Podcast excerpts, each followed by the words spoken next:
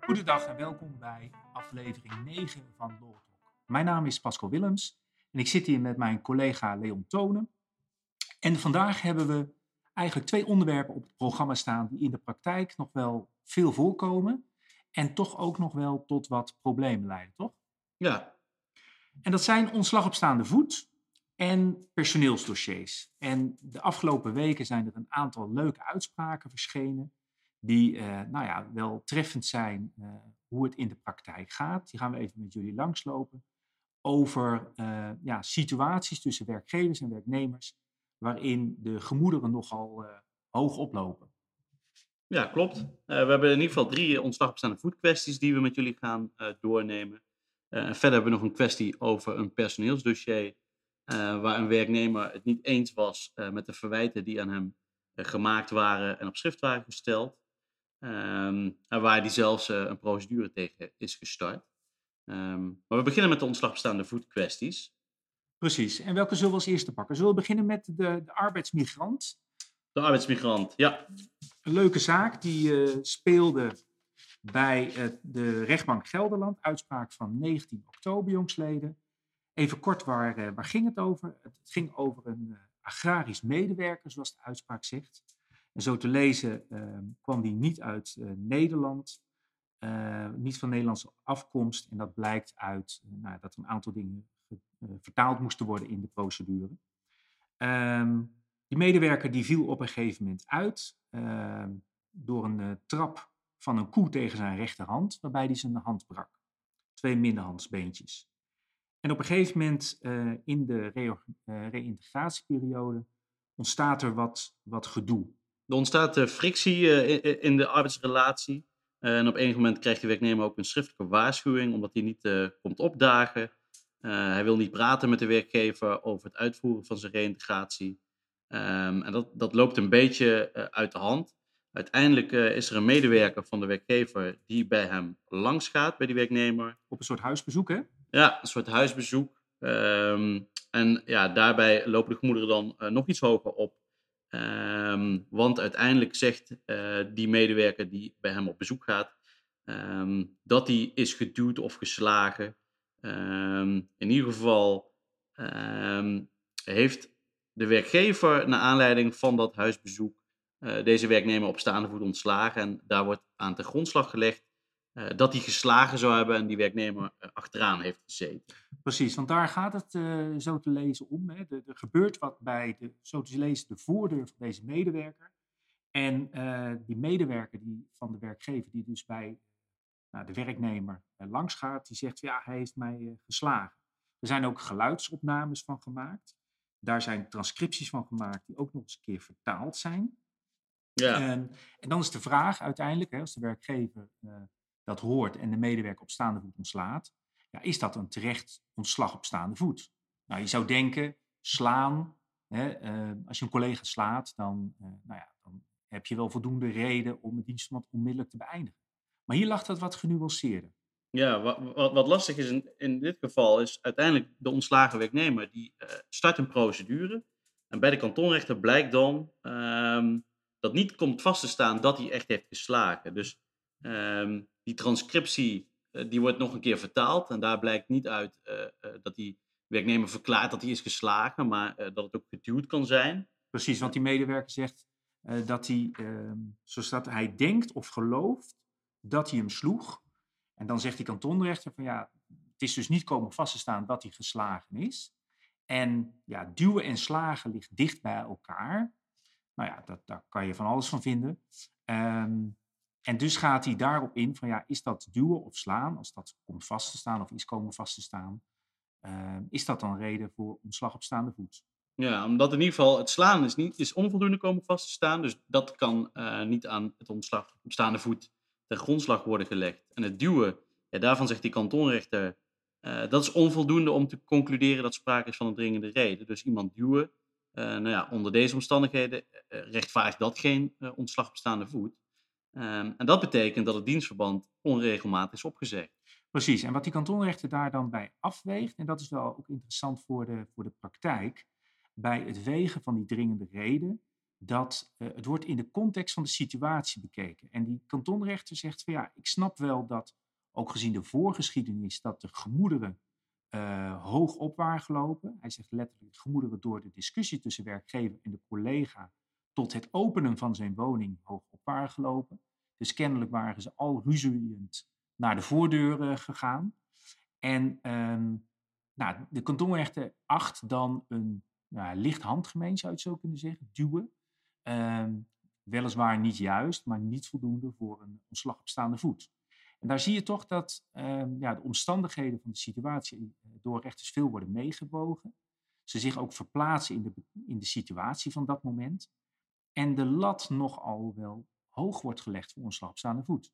Ja, en als werkgever zul je dus in de praktijk, um, voordat je overgaat tot het opleggen van zo'n maatregel, zal je echt heel goed uh, de feiten en omstandigheden duidelijk moeten krijgen voordat je eventueel beslist om over te gaan tot ontslag op staande voet. Want als je in zo'n procedure verzeild raakt, dan zal je toch wel moeten bewijzen wat er dan precies is gebeurd. En op het moment dat je zegt, ja, er is geslagen, maar je kan dat niet hard maken. Uh, en uiteindelijk uh, komt wel vast te staan dat er is geduwd. Uh, maar dat dat onvoldoende is voor ontslag op staande voet. Ja, dan word je geconfronteerd met een onterecht gegeven ontslag op staande voet. En dan zie je ook hier dat er een billijke vergoeding wordt toegekend. Precies, en die kan enorm hoog oplopen. In dit geval werd 8000 euro redelijk geacht. En daarbij wordt nog overwogen dat het dienstverband weliswaar kort daarna zou eindigen, want een tijdelijk contract. Maar dat hij een moeilijke arbeidsmarktpositie had en dat hij ook nog, nou ja, vanwege zijn handfractuur het moeilijker zou hebben. Dus koppelt de kantonrechter daar een billijke vergoeding van 8000 euro aan. Wat als bedrag misschien niet heel schokkend is, maar als zoiets gebeurt bij een dienstverband van 20 jaar met iemand met een hoog inkomen, dan kan je het zomaar over vele tonnen hebben. Dus het risico erop is uh, vrij groot. En het, het, bedrag lijkt misschien ook niet zo groot, maar als je het afzet tegen de transitievergoeding, die was hier 580 euro. Precies. Dus je ziet dat de billige vergoeding is meer dan 10 keer de transitievergoeding. Ja, dat is op zich uh, inderdaad, als iemand een lange dienstverband heeft, nou, dan zal uh, die factor niet altijd zo worden toegepast hoor. Maar je ziet toch wel in vergelijking met de transitievergoeding dat, ehm, dat er wel een hoog bedrag uitkomt. Precies. En, en er zit nog een ander elementje in deze uitspraak, want de werkgever had op een gegeven moment ook nog een loonstop toegepast op uh, 8 en 9 juni, vanwege het feit dat de medewerker uh, niet wilde praten over zijn reïntegratie. En wat ik dan wel interessant vond, is dat uh, de kantonrechter zegt van ja, partijen hadden eigenlijk vaker met elkaar aan tafel moeten zitten om het plan van aanpak bij te stellen hè, in het kader van de reïntegratie. En de loonstop die uh, de werkgever heeft opgelegd, achter kantonrechter te vroeg, omdat de bedrijfsarts de werknemer nimmer fysiek heeft gezien. En dat is ook wel voor de praktijk natuurlijk interessant, want in dit geval had de medewerker dus een handfractuur. En uh, uh, kennelijk is de bedrijfsarts heeft niet een spreekuur gehouden waar de werknemer is geweest. De kantonrechter laat niet duidelijk blijken waarom een fysiek spreekuur meerwaarde had gehad. Maar we zien natuurlijk in de praktijk best wel dat bij dit soort ja, relatief eenvoudige oorzaken van arbeidsongeschiktheid, een, een, beenbreuk of, een, in dit geval een breuk in de hand, dat uh, ja, de hersteltermijn daarvoor is vaak uh, van tevoren wel bekend, hè, een week of zes bijvoorbeeld, dat dat telefonisch wordt afgedaan. Maar in dit geval uh, vindt die kantoorrechter dat wel van belang dat de werknemer door de, werk, door de bedrijfsarts fysiek zou zijn gezien.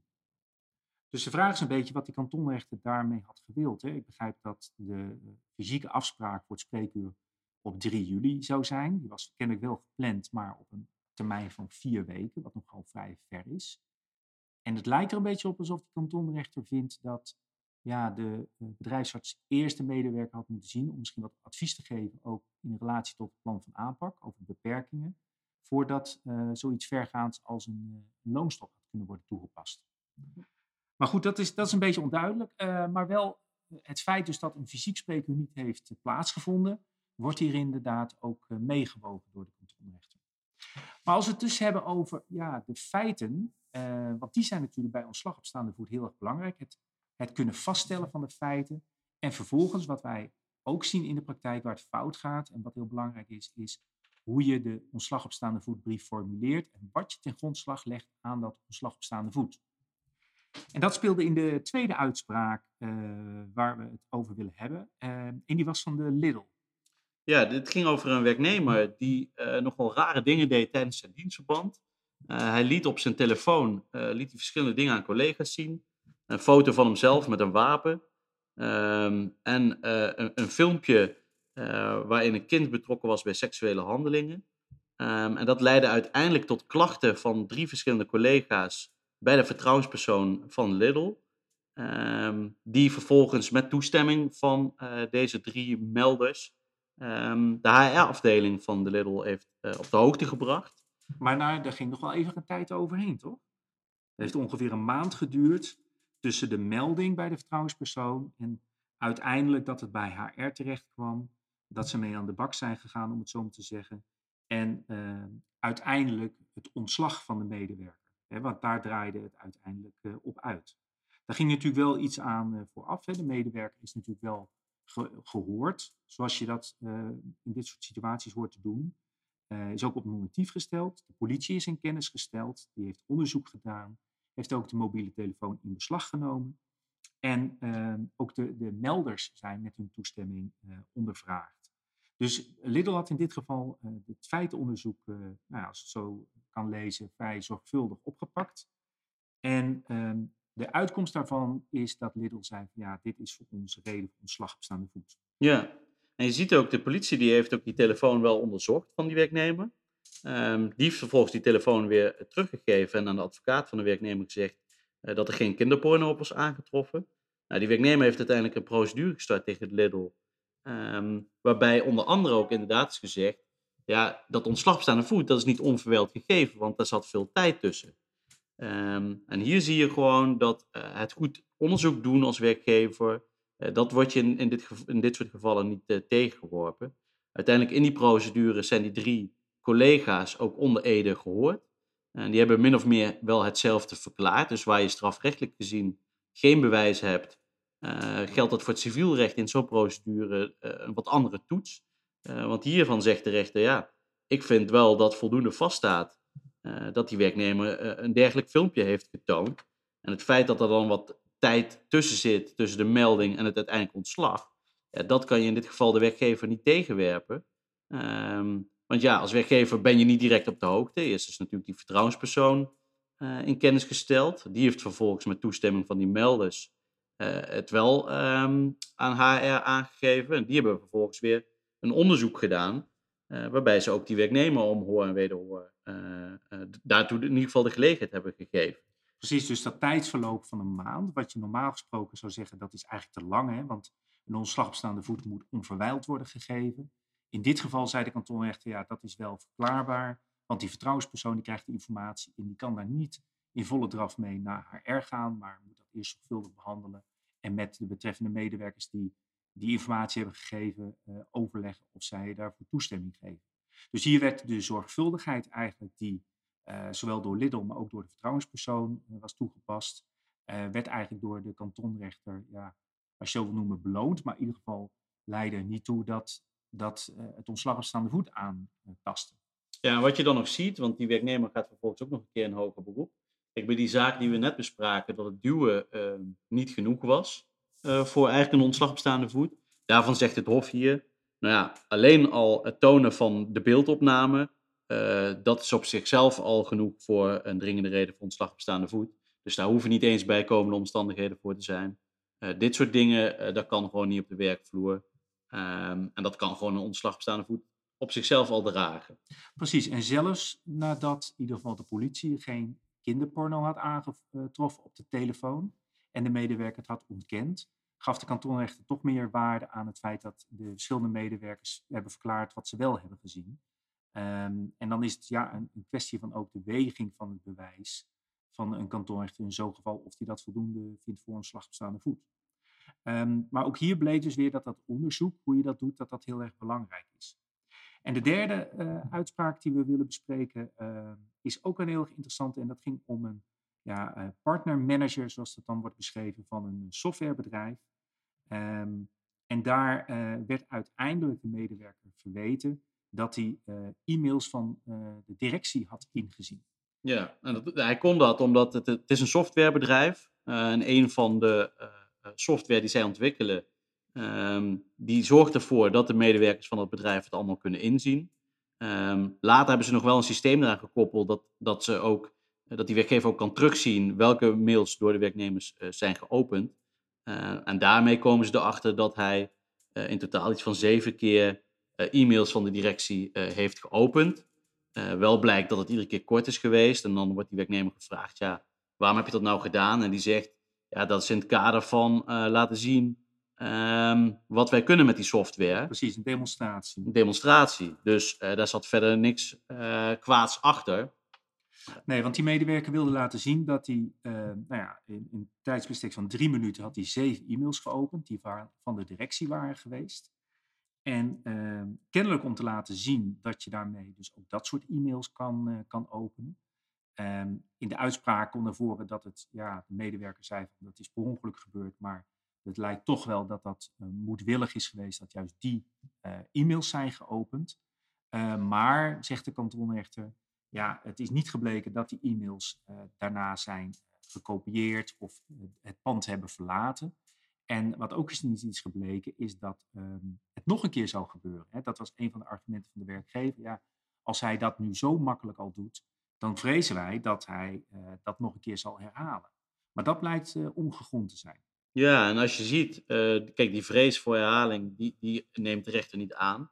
Um, het feit dat het na een bepaalde datum ook niet nog een keer is gebeurd, terwijl het ontslag van aanzienlijke tijd daarna is, daaruit leidt de kantonrechter af, ja, dus het is ook niet meer uh, daarna voorgekomen en het is niet buiten het bedrijf uh, gebracht. Dus um, eigenlijk tot echt, tot echt negatieve uh, gevolgen heeft het voor de werkgever ook niet geleid. En daarom is ontslag op staande voet is eigenlijk een, een stap te ver.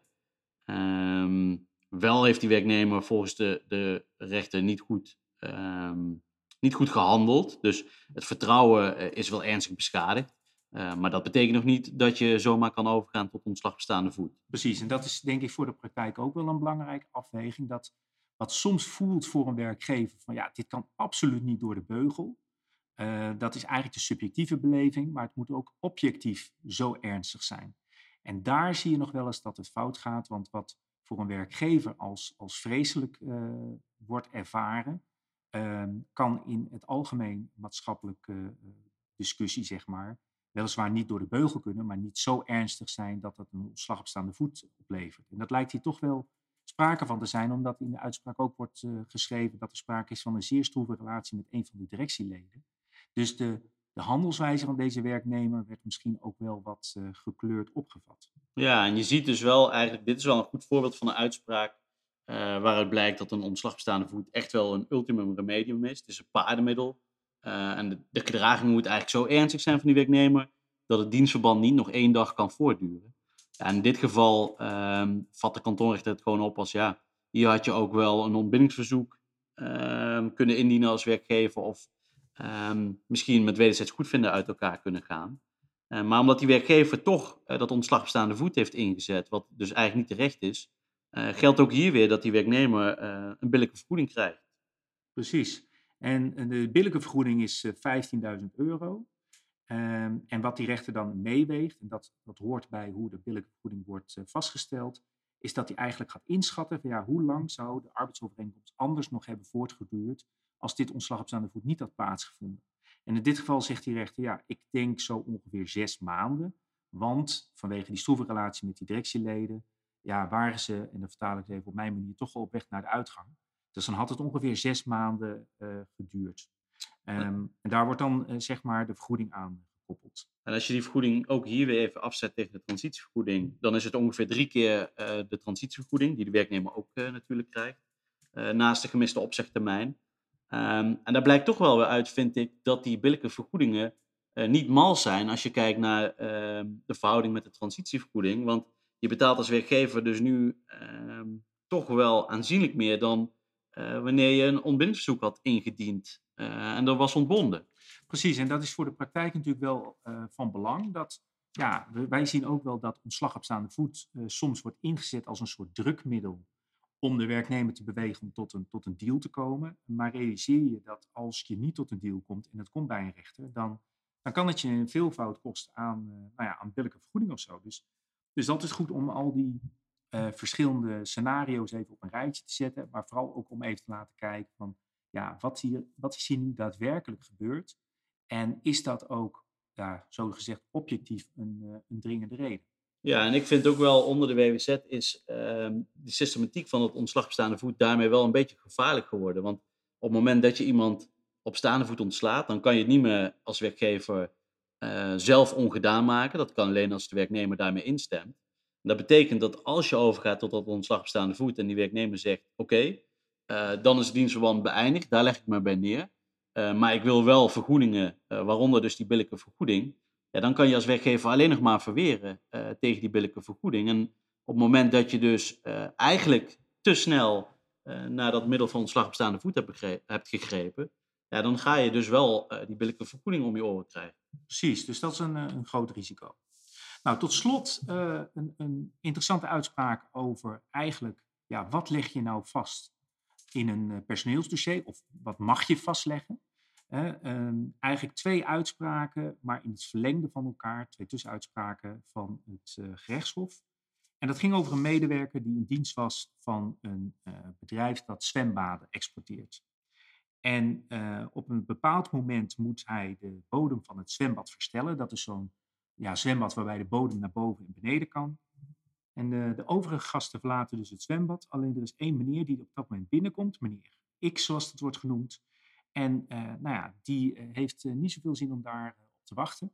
En wil eigenlijk het zwembad in. En dan ontstaat er, denk ik, als ik het zo lees, een hele discussie. Waarbij die werknemer op duidelijke toon laat weten dat die gast het zwembad niet in mag. Ja, en uiteindelijk, die werkgever, eerst komt een soort goedkeurende reactie richting die werknemer. Ehm, maar dat verandert op enig moment toch, want hij krijgt de dag daarna een aangetekende brief met de officiële waarschuwing als disciplinaire straf Um, en de reden uh, daarvoor is dat hij richting die ene gast uh, tijdens de knuffelzwemwerkzaamheden um, op, uh, met luide stemverheffing en harde woorden die man duidelijk heeft gemaakt dat hij niet in het zwembad mocht. Um, ja, en daar is deze werknemer niet van gediend. Nee, die voelt zich inderdaad wel behoorlijk in zijn eer en goede naam aangetast of zo, of onredelijk behandeld. Ja, hij maakt bezwaar en na een gesprek zegt uiteindelijk Laco wel, uh, ons standpunt wijzigen we niet. Uh, maar ehm, ze komen dan wel op terug op die officiële waarschuwing. Daarvan zeggen ze, ja, dat was misschien iets te rigoureus. maar een aantekening in je dossier, die vinden we wel op zijn plaats. Precies, maar dat was voor die werknemer onvoldoende. Die wil eigenlijk gewoon ja, compleet eerherstel, zou je bijna kunnen zeggen. Hij, hij stapt naar de kantonrechter toe en vraagt om ja, verwijdering van die, eh, die passages, die stukken uit zijn uh, personeelsdossier. Ja, de kantoorrechter die eh, is het met die werknemer wel eens. Um, en daar wordt het aan ten grondslag gelegd um, dat uiteindelijk twee werknemers iets hebben verklaard.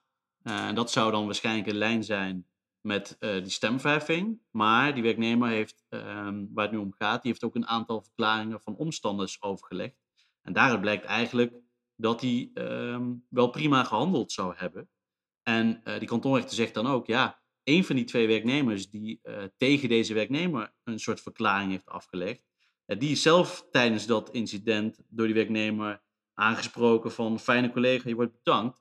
Kennelijk omdat die ehm, meneer X niet tegengehouden heeft, of in ieder geval deze werknemer niet geholpen heeft. En die kantonrechter zegt, ja, dat moet je wel in dat hele gebeuren meenemen.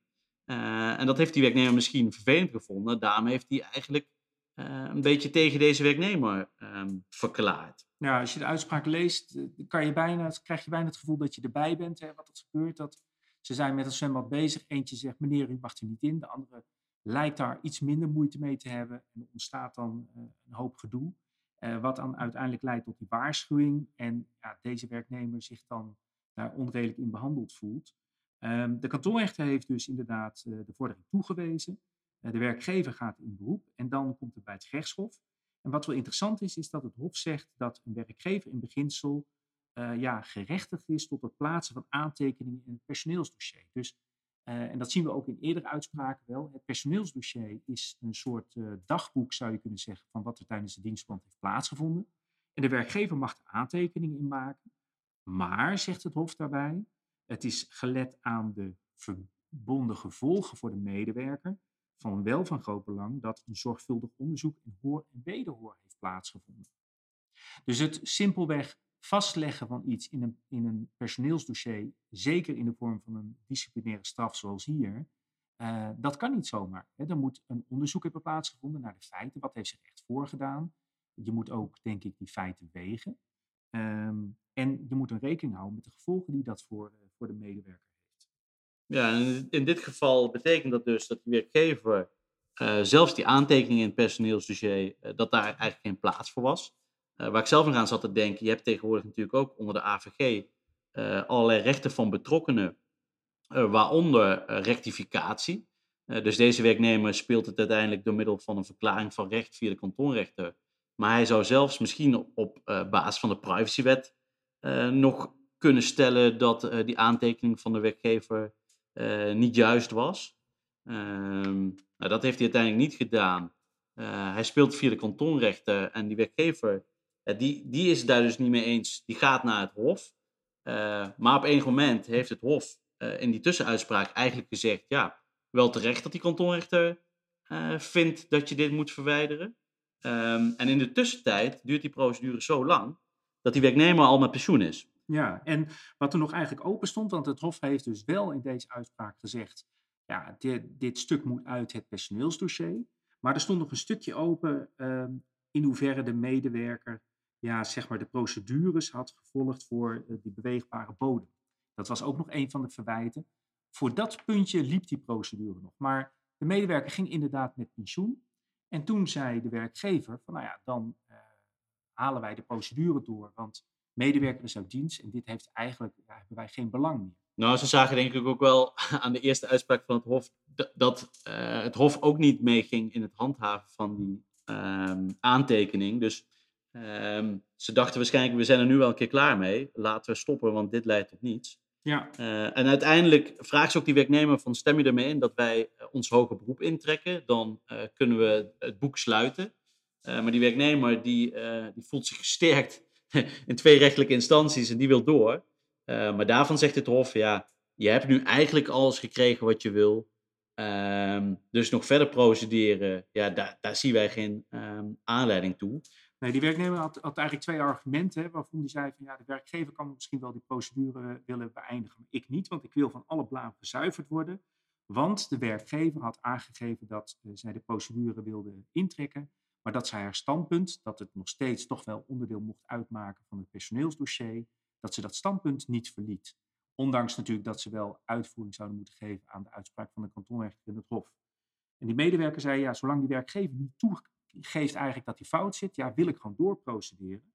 En een ander stukje was geloof ik dat um, er een getuige voor gepland stond in het kader van het doorprocederen. Er waren al wat kosten voor gemaakt en die wilde de werknemer ook vergoed krijgen.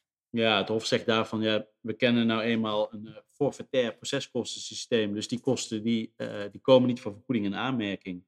Uh, dus daarvoor hoeven we niet verder te procederen. En voor wat betreft um, ja, de vorderingen van de werknemer, ja, die, die zijn al toegewezen. Dus uh, er zijn geen vorderingen van die werknemer meer die nog openstaan. En dat zo'n werkgever dan zegt, ja, maar we blijven wel bij ons standpunt, maar voor het overige doen we alles wat de rechter heeft beslist. Ja, dat is onvoldoende grond um, om die procedure nog door te laten gaan.